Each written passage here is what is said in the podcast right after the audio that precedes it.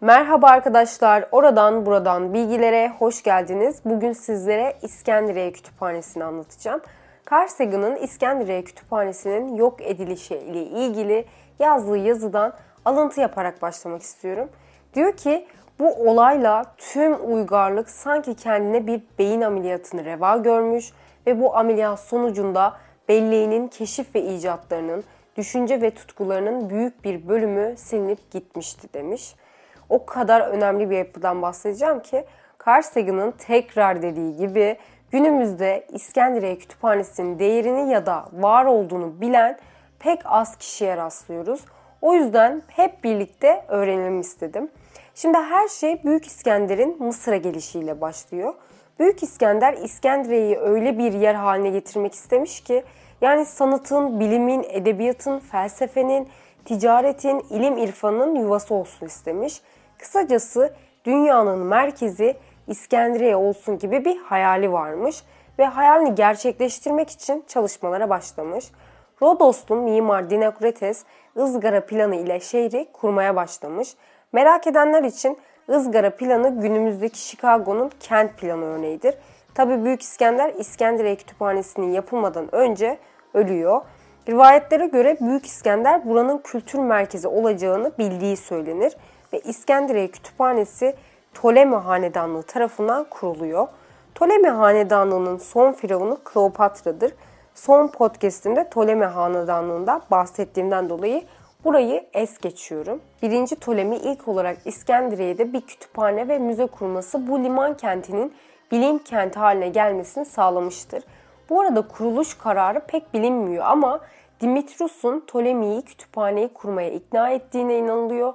Dimitrius dünyadaki her kitabın bir kopyasını barındıracak bir kütüphane hayal etmiş. Öyle bir yer yapmışlar ki botanik bahçesi, rasathane, anatomi salonu, ders alanları, yemek salonları, laboratuvarlar, hayvanat bahçesi falan bile varmış. Birinci Ptolemy o kadar bilim, edebiyat düşkünüymüş ki arş olarak bence çok ince düşünceliymişti. Mesela orada çalışan kişilere konaklama, yeme, içme yani her imkanı sunuyormuş. Kimseden de vergi almıyormuş. O yüzden bütün bilim insanları, sanatçılar buraya akın akın geliyormuş. Örnek verecek olursam Öklit kütüphanede en büyük matematik okulunu kuran, geometri eğitiminin temelini oluşturan bir kişi. Sonra konik kesitler üzerinde çalışmalarıyla tanınan geometri uzmanı ve astronom Apollonus var. Mekanik okulu kuran, pi sayısını bulan kişi bile var Arşimet tabii ki de. Rivayetlere göre Mısır piramitlerinin yapımı için pi sayısını bulmuş da derler. Tıp alanında ise Herophilos'a da ev sahipliği yapmış. Bu kişi insan kadavralarının bilimsel diseksiyonlarını sistematik olarak yapan ilk bilim insanı. Gözlemci astronom olan Batlamyus, dünyanın çevresini hesaplayan ilk bilim insanı bile var da var arkadaşlar yani. İskenderiye Kütüphanesi tüm bu çalışmalar ve sayamadığım bilim insanlarına ev sahipliği yapmış. Artı olarak dışarıdan gelenlere ders verilen bir kurum olmuş. Tüm toplumlardan insanlar buraya yaşamaya, ticaret yapmaya, öğrenime geliyormuş. Yunanlıların, Mısırların, Arapların, Suriyelilerin, Yahudilerin, Perslerin, İberyalıların fikir takas ettikleri bir merkez olmuş. İskenderiye Kütüphanesi'nde yetişen kişilerden biri de Kleopatra'dır. Zekası, donanımı bu yerde kazandığı o kadar aşikardır ki kısacası antik çağın en parlak beyinleri buradaymış. İskenderiye Kütüphanesi o zamanın beyni ve kalbi olmuş. Bir de o dönem İskenderiye bildiğin dünyanın yayın başkenti olmuş. Kütüphanesinde milyonlarca el yazması varmış. Binlerce yazı yazan grubu görev yapıyormuş. Eserleri papürüslere yazılarak rulo şeklinde saklanıldığı düşünülüyor. Birçok ülkeden eserler toplamışlar. Bu yerler Yunan, Akdeniz, Çin, Roma, Orta Doğu gibi bölgelerden. Tabii ki de en fazla faaliyet yapılan iş tercümanlıkmış. Bu ülkelerden gelen toplanan eserler tercüme edilip Yunanca'ya çevrilip kütüphaneye kazandırılıyormuş. Bir de diyelim ki o dönem İskenderiye'ye geldiniz. Limana adımınızı atar atmaz yanınızdaki parşömene, yazılara, kitaplarınıza el konuluyormuş. Yunan yazarı Galen İskenderiye limanına girdiğinde beyana tutulmuş ve yanındaki kitapların teslimi istenmiş.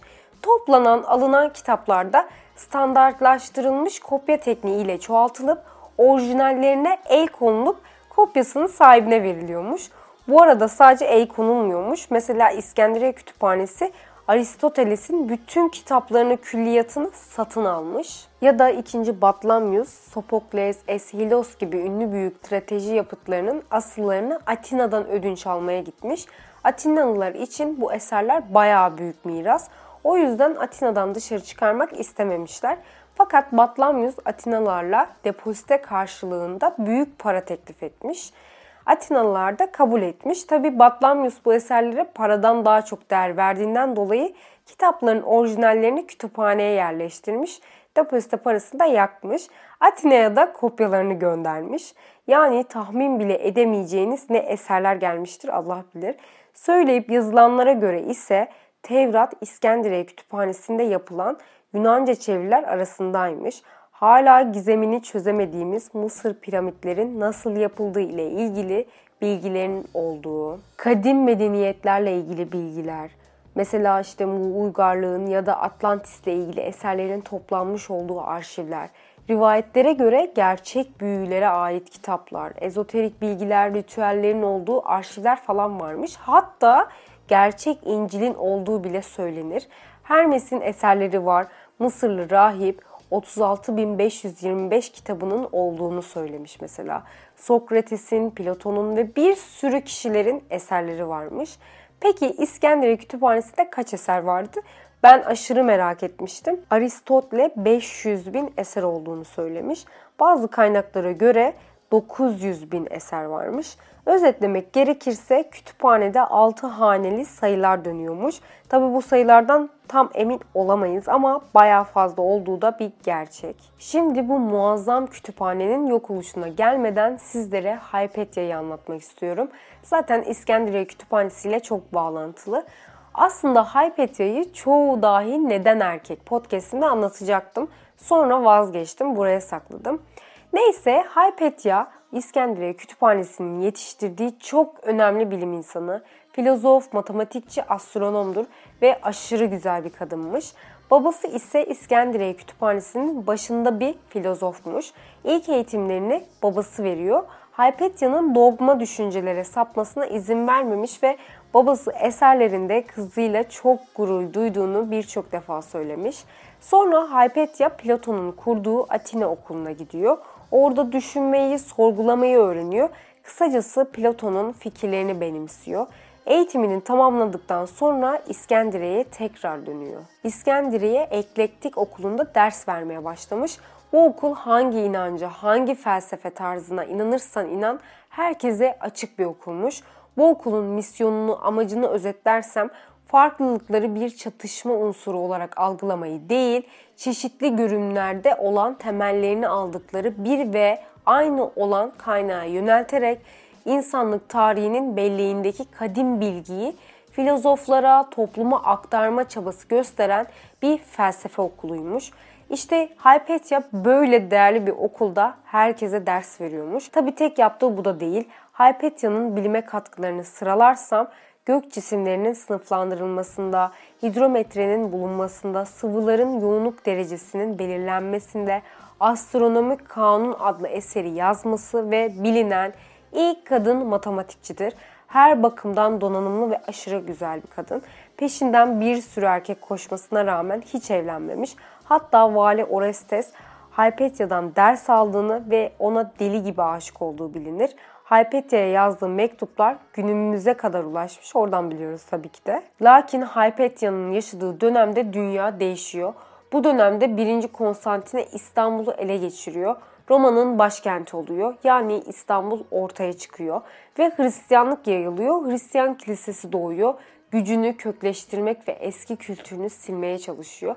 Aslında bu dönem karanlık çağı başlangıcı da diyebiliriz. Hani bu kadınların bilimle uğraştıklarından ötürü cadı diye yakıldığı, kadının evde oturup çocuklarına eşine hizmet etmesi gerektiği bir çağdan bahsediyorum. İşte Hypatia bu karanlık çağın başlangıç tarihinde yaşıyor. Bu dönemde akın akın herkes Hristiyan olurken Mısır ülkesi olmuyormuş. Hatta Romalı yöneticiler Mısır'a soru soruyorlar. İskenderiye hala neden pagan diye.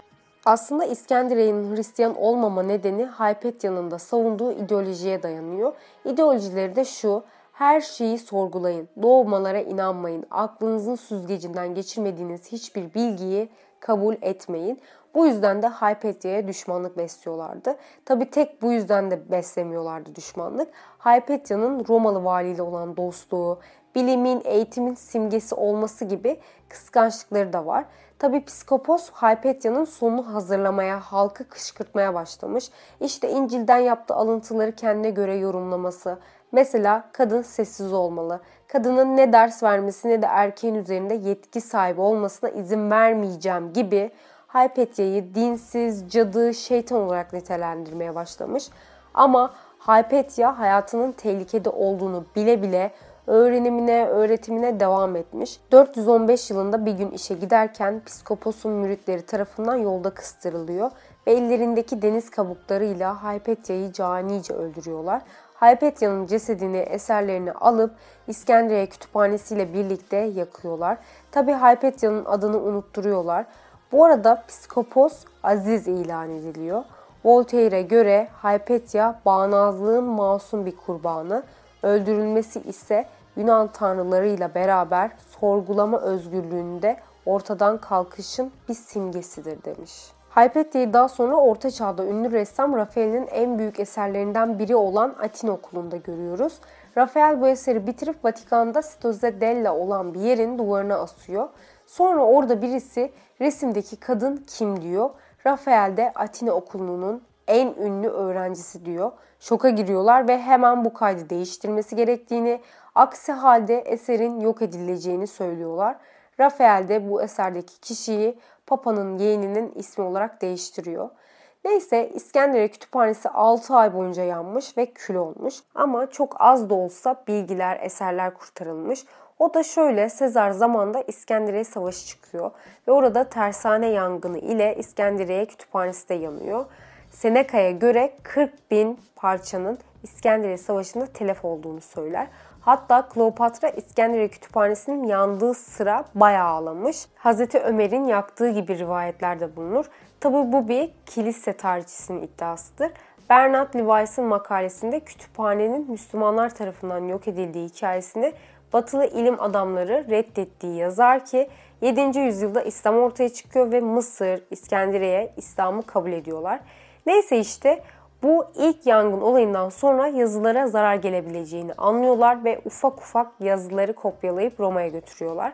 Bir de İskenderiye Kütüphanesi yanmadan önce hissetmişler gibi bazı yazıları, eserleri kaçırıp kendileriyle birlikte Harran Okulu'na ya da Antakya Okulu'na kaçıyorlar. Özetlemek gerekirse dönemin gerici zihniyeti tarafından yok edilmiştir. Bu hem Haypatya'nın hem de bilim dünyasının cinayetidir. Bana göre insanoğlunun insanlığa en büyük zararlarından bir tanesidir. O kadar çok bilgi tarihe gömüldü ki mesela Aristokos dünya güneşin etrafında dönen gezegenlerden biridir demiş ve biz bunu Aristohos'tan 1500 yıl sonra keşfetmişiz. Kim bilir belki de şu an bambaşka şeyler yaşıyorduk, bambaşka şeyler yapıyorduk. Yani aslında bence sorun hiçbir zaman herhangi bir din olmamış. Onu kendi çıkarlarına alet eden insanlardan olmuş. Dini hep suistimal etmişler. İşte örneği kütüphanenin yakılması veya Haypatya'nın katledilmesi. Özgür düşünceye karşı düşmanlık da buna örnektir. Yani gerçekten çok üzücü bir olay. Carl de dediği gibi eğer zamanda geriye gidebilseydik ilk gideceğim yer burası olurdu demiş. Anlatacaklarım bu kadar arkadaşlar. Bir sonraki podcastimde görüşmek üzere. Kendinize çok iyi bakın. Hoşçakalın.